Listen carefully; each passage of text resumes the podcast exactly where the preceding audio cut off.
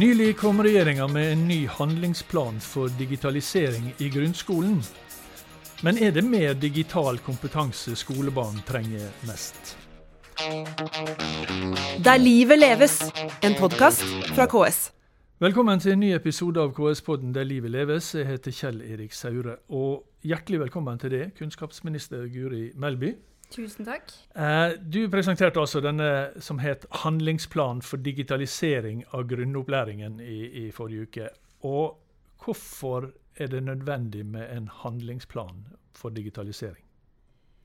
Ja, Målet med handlingsplanen er jo å gjøre skolene enda bedre rusta til å utnytte de digitale ressursene vi har, og bruke det på en sånn måte at elever lærer mer og bedre. Og så er vi jo nå i en situasjon der vi har eh, egentlig vært litt sånn gjennom en brådigitalisering av skolen de siste Ja, månedene. ja. Litt sånn ufrivillig. Jeg tenker at den perioden egentlig har vist oss to ting. For den første har den vist oss at mange skoler egentlig hadde kommet lenger på digitalisering enn det vi hadde trodd, tror jeg. For det var ganske mange som fikk til veldig mye bra bare noen få dager etter at vi stengte ned skolene. Men for andre så tror jeg også at mange, både skoleeiere, skoleledere og lærere, har kjent på at det er noen hull her. Eh, De har kjent på manglende kompetanse, de har kjent på at de mangler noe utstyr, kanskje de mangler noe programvare, kanskje de mangler noe grunnleggende på både sikkerhet og personvern. Eh, Så jeg tror egentlig at dette er et ganske godt tidspunkt jeg, til å oppsummere hva det er vi har, og se på hva det er vi kan gjøre da, fra statlig hold for å bidra til at kommunene kan ta denne jobben videre, som de egentlig har begynt på veldig bra sjøl. Det har jeg jo lyst til å si, da. Ja, Men, det, men det, er en, det, er en, det er ikke en handlingsplan som tar sikte på at man skal bli enda dyktigere på fjernskole og drive fjernundervisning. Dette her. Dette handler om den hverdagen vi skal inn i, forhåpentlig, etter Ja. dette tar slutt. Det gjør det absolutt. Altså, Ja. Målet er vel at vi skal ha mindre hjemmeskole i framtida enn det vi har hatt de siste månedene Ja, nå. Men det er klart at det er jo også veldig fint å faktisk være rusta for en sånn situasjon vi er i nå. Det tror jeg jo kan bidra til at vi f.eks. på sikt greier å gi et bedre tilbud til barn som har fravær pga. sykdom, f.eks. Mm. Så det, har vi bli, det at vi har blitt bedre på å bruke digitale ressurser på den måten, tror jeg kan være kjempebra. Men det er klart at det her handler først og fremst om den normalsituasjonen. Ja. Og det handler jo både om at barn selvsagt skal utvikle digitale ferdigheter. Det er den ene sida av det. Men så handler det også om hvordan kan digitale ressurser hjelpe til på alt det andre? Altså, Hvordan Ja. kan man bruke digitale ressurser for å bli bedre på lesing, på regning? Altså, Fins det måter vi kan bruke det på som understøtter læring på veldig mange andre områder også? Mm. Ja, for eh, altså, jeg tenker litt sånn eh, Disse barna som går på skole i dag og, og tida framover, eh, og åra som kommer, eh, er det egentlig digital kompetanse de mangler? Har ikke de veldig mye av det? De har nok en viss digital kompetanse, eh, men jeg er jo usikker på hvor bred den digitale kompetansen de har er. De greier Ja. nok helt sikkert å både laste ned og åpne apper på en iPad. Eh, vi ser jo at mangler, mange mangler helt sånn grunnleggende tekstbehandlingsferdigheter, f.eks. Eh, og så handler det også noe om å ha en større forståelse for teknologi. Mm. Hvordan teknologien påvirker oss. Og jeg er jo litt opptatt av at vi skal utdanne eh, elever til å bli voksne som ikke bare er konsumenter av teknologi, men som også kan sjøl utvikle teknologi, og også ha et sånn kritisk forhold til det. Og det krever noe mye mer enn at du har holdt på noen timer med en iPad noen ettermiddager hjemme, altså. Men det som jeg egentlig har lyst til at vi skal jobbe veldig mye mer med, er jo å se på det potensialet de digitale læringsressursene gir. Eh, tidligere i uka så hadde jeg et møte med Matematikksenteret ved NTNU, som presenterte hvordan de jobber med såkalt additive, ad, ad, additive matematikkprøver, der prøven tilpasser seg eleven etter hvert. Sånn at hvis du eh, du har noen testspørsmål i starten som liksom grupperer litt hvor du hører til hen, da, om du er over gjennomsnittet eller under gjennomsnittet, da får du spørsmål som er tilpassa deg. Mm. Og det gjør både at vi i større grad får målt hva den eleven kan, men ikke minst så gjør det også at den eleven får en bedre opplevelse. For det gjør at han faktisk kan få oppgaver som han behersker, og ikke bare sitter der med en følelse av at han ikke får til noe. Og det syns jeg er et godt eksempel på hvordan teknologi da ikke først og fremst Da er det jo ikke den digitale ferdigheten som er hovedmålet. Da er det jo matematikkferdighetene som er Ja. hovedmålet. Men da gir et digitalt verktøy oss veldig mange større muligheter enn en standard prøve på et ark gir, da. Ja, og jeg, forstår, altså Digitalisering innebærer, altså digitalisering er jo et sånt buzzord for tida som alle bruker, og som alle syns er veldig viktig, og som nesten ingen tør å innrømme at de er ikke helt sikre på hva det innebærer. Og, og, og så vet jeg jo at det er jo en del som er ganske skeptiske og ganske engstelige for denne her digitaliseringa i skolen og, bla, og, hos skolebarn. Da. For altså, Eh, noen har til og med kalt dagens skoleelever for prøvekaniner i et gigantisk eksperiment. Altså, Forstår du den skepsisen? Ja, det gjør jeg. Og jeg må også innrømme at eh, altså på vegne av mine egne barn, så mm. har jeg sjøl litt sånn engstelse knytta til hele den digitaliseringa av barndommen. Alt fra liksom, ja, Bruker de for mye på, tid på skjerm? Får de brukt for lite tid på andre ting? Eh, hvordan påvirker det her egentlig oss? Um, men det er klart, sånn har det jo vært ved veldig mange utviklinger også tidligere. Eh, også i skolen. At vi har jo tatt i bruk mye uten at vi har visst på en måte det fulle og hele påvirkninga av det. Derfor så er jeg veldig tilhenger av eh, at man skal ta seg tid da, når man innfører nye verktøy, og at man skal eh, sikre seg at man både har forstått hva det her er for noe, og hvordan det kan påvirke, og at du gjør det parallelt med at du jobber med noen tradisjonelle metoder også. Mm. Eh, for det jeg tror vi kan være ganske sikre på, er jo at det vil nok være veldig forskjellig eh, mellom ulike barn, f.eks. Hvordan det påvirker. Ja. Og sånn er det jo med alt. Jeg tenker at det her, De digitale ressursene har gitt oss enda et verktøy i verktøykassa. Mm. Men det betyr ikke at vi skal legge bort de andre verktøyene. Eh, altså, det er et tillegg til mye annet, men du har fortsatt behov for bøker. Du har fortsatt behov for penn og blyant og ark. Mm. Eh, du skal ikke legge bort det. Det er jo godt å høre, da. Ja. Jeg er jo gammel lærer, så jeg har ikke lyst til å gi fra meg tavla ennå. Altså. Det blir kritt. Ja, eh, Men du, nå er jo det, det er jo kommunene som, som, er, så, som kalles for skoleeiere, og det er kommunene som har ansvaret for, for grunnopplæringa i, i, Norge. Og KS har jo allerede uttalt seg ganske positivt til den handlingsplanen, fornøyd med, med planen som sådan. Likevel så har jeg bedt direktøren for området i KS som heter Forskning, innovasjon og digitalisering, Kristin Weidmann Wieland, eh, om å komme med noen utfordringer til det og regjeringa om hvordan dere kan bidra til at kommunene lykkes eh, i dette arbeidet. Og Vi skal høre hva hun svarer på det. Jeg vil gjenta at vi er jo fornøyde med mye. Eh, dette bringer oss et steg i riktig retning, og det setter på en måte viktige ting på dagsordenen. Og En av de tingene som settes på dagsordenen, er jo dette økosystemet for læremidler, som må bli bedre. Eh, sånn at man har eh, rett og slett, eh, man har flere tiltak som skal på en måte underbygge det. Men det som skolene melder tilbake, og kommunene da, til oss, det er jo at, at bevilgningene til læremidler er på en måte for lave til å ta det store steget. Det hjelper jo lite med tilgang eh, via et økosystem hvis de ikke har råd til å investere i de nødvendige læremidlene for å få til den digitale transformasjonen i skolen. Så hva tenker statsråden å gjøre for å bidra til at eh, hele, hele Norge og alle skoler får det nødvendige løftet? Det var den første, og den var jo veldig tydelig. Og den skal vi konfrontere statsråden med etterpå. Og den neste? Den neste er egentlig litt relatert. Vi vet faktisk at det er slik at en tredjedel av skolene i Norge ikke har digitale enheter til alle elevene sine. Og det er klart at det er jo eh, kanskje det aller viktigste skal du kunne få til denne helhetlige digitale transformasjonen, eh, hvor du bruker eh, digitale verktøy når det passer seg undervisningen, når på en måte undervisningen eh, rett og slett blir best ved å tenke annerledes og digitalt understøttet. Og der igjen, ikke sant, Hva vil staten gjøre for å, å sikre at vi får et likeverdig skoletilbud i hele landet når det gjelder den digitale infrastrukturen som er nødvendig? Greit, det var nummer to. Hun skal få svare på den også. Og nummer tre det er knyttet til noe som egentlig gjelder alle sektorer eh, som leverer innbyggertjenester, og det er hensynet til informasjonssikkerhet, personvern og GDPR-forskriften i stort. Og det er klart at Dette handler ikke bare om teknologi, det handler også om teknologi. og I kommunene er det veldig ofte på en måte fellesstyrt, men det handler også om at den enkelte eh, skoleleder, skoleeier og lærer må ha den nødvendige kompetansen om dette feltet. Eh, og, hva, og hvordan man skal agere for, for, rett og slett å gi barna en, eh, trygg digital skolehverdag. Og Her er vi også veldig nysgjerrige på hva statsråden konkret tenker for å bidra til dette. For Det er klart at eh, det, det koker jo ned til den enkelte skoleeiers avstand, men hva vil, hva vil statsråden gjøre for å underbygge at, at barna våre får et trygt digitalt skoletilbud? Og så har du en siste. En siste, og det er jo i perspektivet fra en kommune har man ansvaret for å levere helhetlige innbyggertjenester på tvers.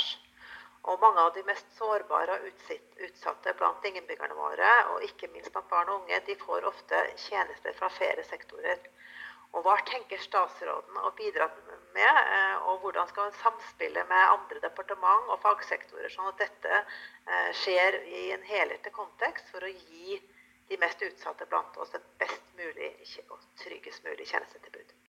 Ja, det var eh, Kristin Weidemann Wieland, eh, områdedirektør i KS, eh, som, eh, som eh, hadde fire utfordringer til det. Guri Melby.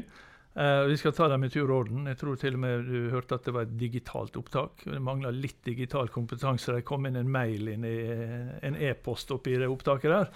Det får vi trene oss på. Men det første, vi skal ta dem i tur og orden. Den første, det var altså dette økosystemet for læremidler. Kanskje vi aller først skal forklare hva dette økosystemet for læremidler er. Altså, eh, kommunene, da, skoleeierne, forholder seg jo til et stort mangfold av læremidler. Alt Ja. fra digitale til de mer tradisjonelle. Eh, og jeg tenker at når det gjelder læremidler, så er det egentlig to utfordringer som eh, skoleeierne har. For det første så er det å greie å orientere seg i det store mangfoldet. Vi har jo på en måte avskaffa ordningene vi hadde med sånn nasjonale godkjenninger av læremidler. Jeg mener det er riktig å gjøre, men samtidig så tror jeg nok mange føler at de trenger litt mer veiledning og litt mer råd fra nasjonalt hold for å finne ut hva det faktisk er bra å investere i. For du først, hvis du først skal bruke penger, så tror jeg du vil være ganske sikker på at du bruker det på Ja. noe bra. Og så er jo det andre som eh, også hun var inne på, da, det her med finansiering. Hva Ja. slags rolle skal staten ta da? Ja, og Det var jo egentlig utfordringen hennes på dette området. Det, det er hva du kan gjøre for å bidra til at hele Norge og alle skoler får dette nødvendige løftet som skolene sjøl melder, eller kommunene melder inn at det er for lite penger til. Ja, for Vi ser jo i dag at det er store forskjeller. Noen kommuner har satsa mye på det her, eh, andre har ikke gjort det. Og det er veldig ulike årsaker til det. Helt sikkert fra kommuneøkonomi til hva man syns er viktig å prioritere. De siste så har vi satt av en god del statlige penger til denne type satsinger. I år, i 2019, så satte vi av til sammen 140 millioner penger som kommunene kunne søke på for å få penger til ulike digitale ressurser. Og det vi så i år, var at antall søknader det økte kraftig. Fra at det før var et fåtall kommuner som søkte, til at det nå var egentlig størstedelen av kommunene som søkte. Det tror jeg betyr at mange har både sett at de har et behov, og blitt klar over at disse pengene finnes. Så jeg mener det er viktig at vi fortsetter å ha den type støtteordninger. Men så vil jeg jo tro at KS som vanligvis er jo ikke så veldig glad i øremerking av midler heller. Vil Nei. jo helst at vi skal gi det Ja. til kommunene og la dem sjøl finne ut av hva de skal bruke det på. Ja. Og det er jo litt min holdning her òg. Min viktigste jobb er å sikre at Kommune-Norge faktisk får gode rammer, sånn at de har nok regner penger ja. å bruke på skole generelt. Og da må de jo også sjøl prioritere hvor mye de skal bruke Jeg skal regner jo også med at når, når kommunene melder tilbake at, at de syns det er for lite til, til dette, så, så er ikke det fordi at det er for lite øremerka til dette. Men da må de ta det fra noe annet, eventuelt hvis det er for lite. Men, Ja. men rammen er det, du, du er enig i at det, det er der det ligger. Ja, og jeg tenker at når vi er i den fasen vi er nå, der vi fortsatt er i en sånn oppbygging, så mener jeg det er riktig at staten også stiller opp med noe. Mm. Så vi har jo videreført en sånn pott nå for digitale ressurser også til neste år. Mm. Eh, Så jeg håper jo at det bidrar til at enda flere kommuner greier å ta det løftet. Ja. Andre utfordringer fra Kristin det var at en tredel av skolene i Norge ikke har digitale enheter til alle elevene sine. Og hvordan skal man sikre eh, at de får et likeverdig tilbud i hele landet? Det er ikke sikkert at det er nødvendig med én enhet til alle elever fra første til tiende trinn. Det mener jeg er en vurdering man må ta lokalt, om det er et sånt løft man ønsker å gi. Men det er helt klart at det er for store forskjeller i dag. Noen har veldig bra dekning av utstyr, andre har veldig dårlig dekning av utstyr. Um, og um, noen av de ressursene som vi eh, stiller tilgjengelig, kan jo brukes også på det. Men det her vil jo være en prioritering som må gjøres i den enkelte kommune. Det, må, det er kommunene sjøl som må prioritere dette. Ja, på lik linje med at kommunene sjøl bestemmer hvor mye de investerer i bygg Ja. eller i annet utstyr, så vil det jo være det her også. Greit, da har vi kommet til nummer tre. Og den handler om personvern og informasjonssikkerhet, som jo er en veldig viktig del av dette med digitalisering. Og det går jo, og det, det, Dette er jo skoleeiernes og kommunenes ansvar. eh, Men hva tenker du som statsråd at staten konkret kan bidra med for å sikre at barna har et trygt digitalt tilbud? Det var utfordringa fra, fra Kristin uh, her. Ja, Som du sier, så er det jo kommunens ansvar, men vi vet at eh, 30% av skolene ikke har gode nok rutiner for verken registrering eller bruk eller lagring eller sletting av data. Og det er nok mange som føler at de står veldig alene, og at de har lite kompetanse. At de ikke vet helt hva de skal etterspørre når de kjøper inn f.eks. programvare eller utstyr. Eh, så det vi sier nå i den handlingsplanen her, det er at staten gjennom Utdanningsdirektoratet skal ta en tydeligere rolle i å veilede Skole-Norge. Så eh, enten om det er på nett eller på andre måter, så skal vi nå ta ansvar og gi bedre veiledning, sånn at kommunene blir bedre i stand til å utføre den oppgaven de har. For jeg skjønner veldig godt at det her er krevende. Det er ikke alle kommuner som har eh, Altså, Vi har veldig store forskjeller i Kommune-Norge. og Noen er små, noen er store. Noen har små juridiske avdelinger og ikke. Så det å gjøre disse vurderingene er krevende, og da må staten ta sin del av ansvaret. OK, og da har vi den siste, og den får du bare svare ganske kort på. Det er jo litt dumt, for den er ganske svær. Eh, og det er at, eh, som hun sa, mange av de mest sårbare barna de har behov for mange flere sammensatte tjenester i, fra kommunens side. Eh, ikke bare skole, barnevern kanskje, kommunehelsetjeneste. Og hvordan skal statsråden samarbeide med andre departement for å sikre et helhetlig tilbud til disse barna, spurte Kristin Weidemann Wieland om.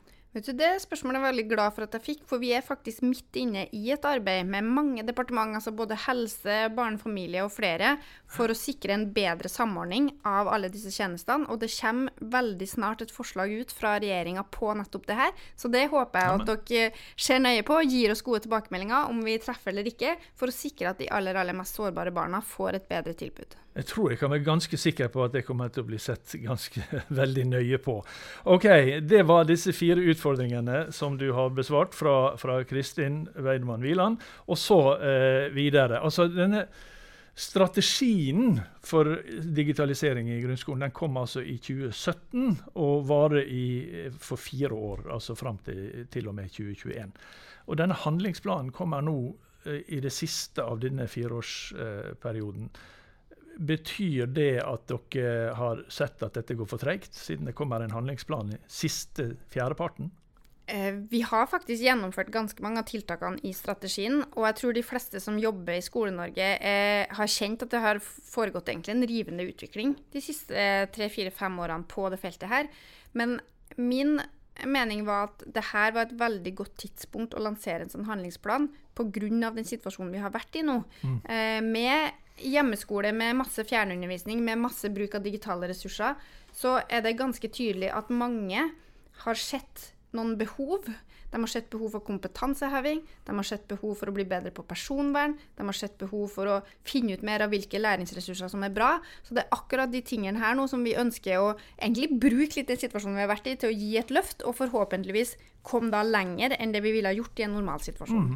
Men du, eh, Guri Melby, er, i, i forordet det, der eh, skriver du følgende. Eh, vi ser at tilnærmingen til digitalisering er ulik i mange kommuner, og til og med blant lærere på samme skole. Det mener jeg det må være rom for. For selv om vi har lært mye, sitter ingen ennå med den endelige fasiten på hvordan digitaliseringen bør gjennomføres. Og Da stusser jeg litt eh, når du sier at tilnærminga kan være ulik til og med hos den enkelte lærer.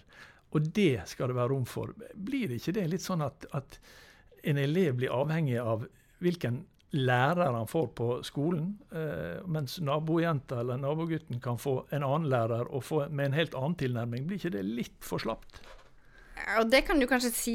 Det vi må finne her, er jo en god balanse mellom den metodefriheten som vi faktisk har Ja. i norsk skole, men samtidig det ansvaret som da skolen og skoleeier har til å sikre at alle barn får dekka det som både opplæringslov og læreplan sier at de skal ha. Og det er klart det med digitale ferdigheter det er en av fem grunnleggende ferdigheter i skolen. Så det er ingen lærere som har lov til å ignorere det.